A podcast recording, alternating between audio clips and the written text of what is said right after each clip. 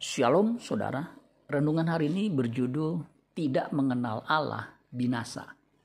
Hosea 4 ayat 6. Umatku binasa karena tidak mengenal Allah. Karena engkaulah yang menolak pengenalan itu, maka aku menolak engkau menjadi imamku.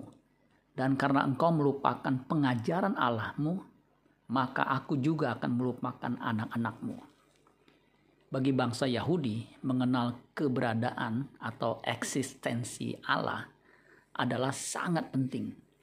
Ini perintah yang paling penting.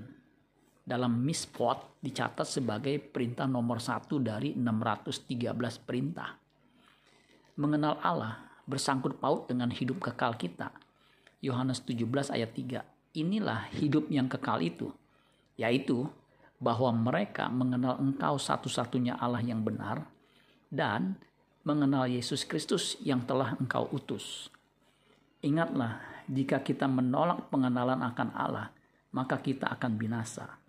Selama kita diberi kesempatan untuk hidup, kita harus gunakan untuk mengenal Allah lebih dalam lagi.